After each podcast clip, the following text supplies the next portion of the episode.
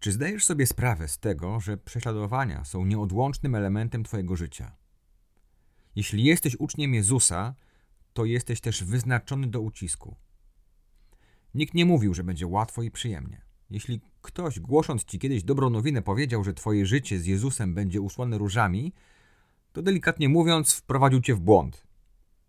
Jezus mówił, a czytamy o tym choćby w 21 rozdziale Ewangelii Łukasza, że ze względu na Jego imię ludzie będą nas nienawidzić. Nie ze względu na jakieś Twoje przekonania, jakieś poglądy polityczne, podejście do kwestii społecznych. To wszystko się nie liczy. Będziesz prześladowany ze względu na imię Jezus, które głosisz. Oczywiście, jeśli je głosisz. Najbliższa rodzina i przyjaciele odwrócą się od ciebie i wydadzą w ręce władzy. Będziesz karany, stygmatyzowany, wyśmiewany, ale tak jak mówi Jezus, poprzez swoją wytrwałość możesz zyskać swoją duszę. Do wytrwałości w wierze i miłości zachęca też apostoł Paweł, pisząc swój list do kościoła w Tesalonikach. Oni nie mieli łatwo, podobnie zresztą jak Paweł. W trzecim rozdziale tego listu czytamy: Dlatego, nie mogąc tego dłużej znieść, uznaliśmy za słuszne osobiście pozostać w Atenach, a wyprawić do Was Tymoteusza, naszego brata i Bożego współpracownika w dziele głoszenia dobrej nowiny Chrystusa. Posłaliśmy go, aby Was utwierdził i dodał otuchy w wierze, tak aby nikt się nie zachwiał z powodu tych ucisków. Sami przecież wiecie, że jesteśmy na nie skazani. Jesteś skazany na ucisk.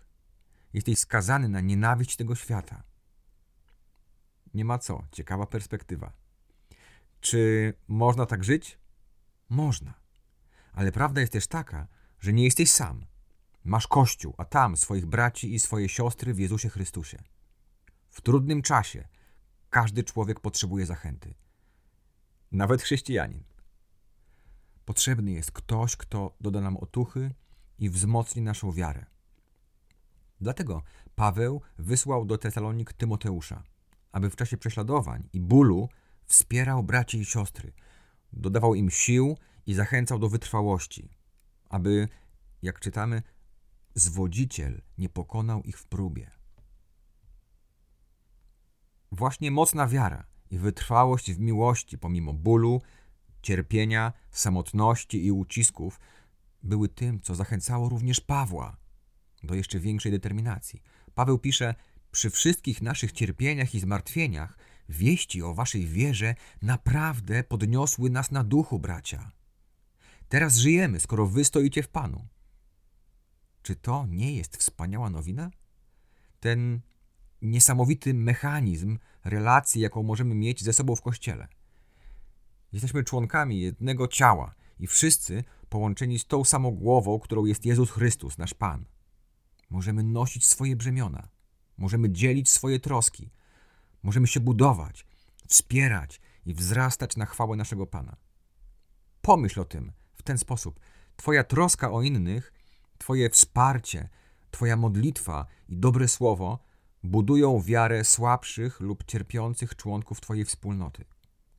Twoja wytrwałość w obliczu prób Twoja wierność dodają sił Twoim braciom i siostrom w Chrystusie. Czy będzie łatwo? Nie, nie będzie. Czy dasz rady znieść to wszystko, co być może Cię czeka? Tak. I nie musisz być tym sam. A jaki będzie tego koniec? Jeden i od wieków ten sam. Nasz Pan, Jezus Chrystus, powróci i zabierze swoich braci i swoje siostry do siebie i pozostaniemy z Nim już na zawsze. Dobrego dnia, bracie i siostro w Jezusie Chrystusie naszym Panu. Amen.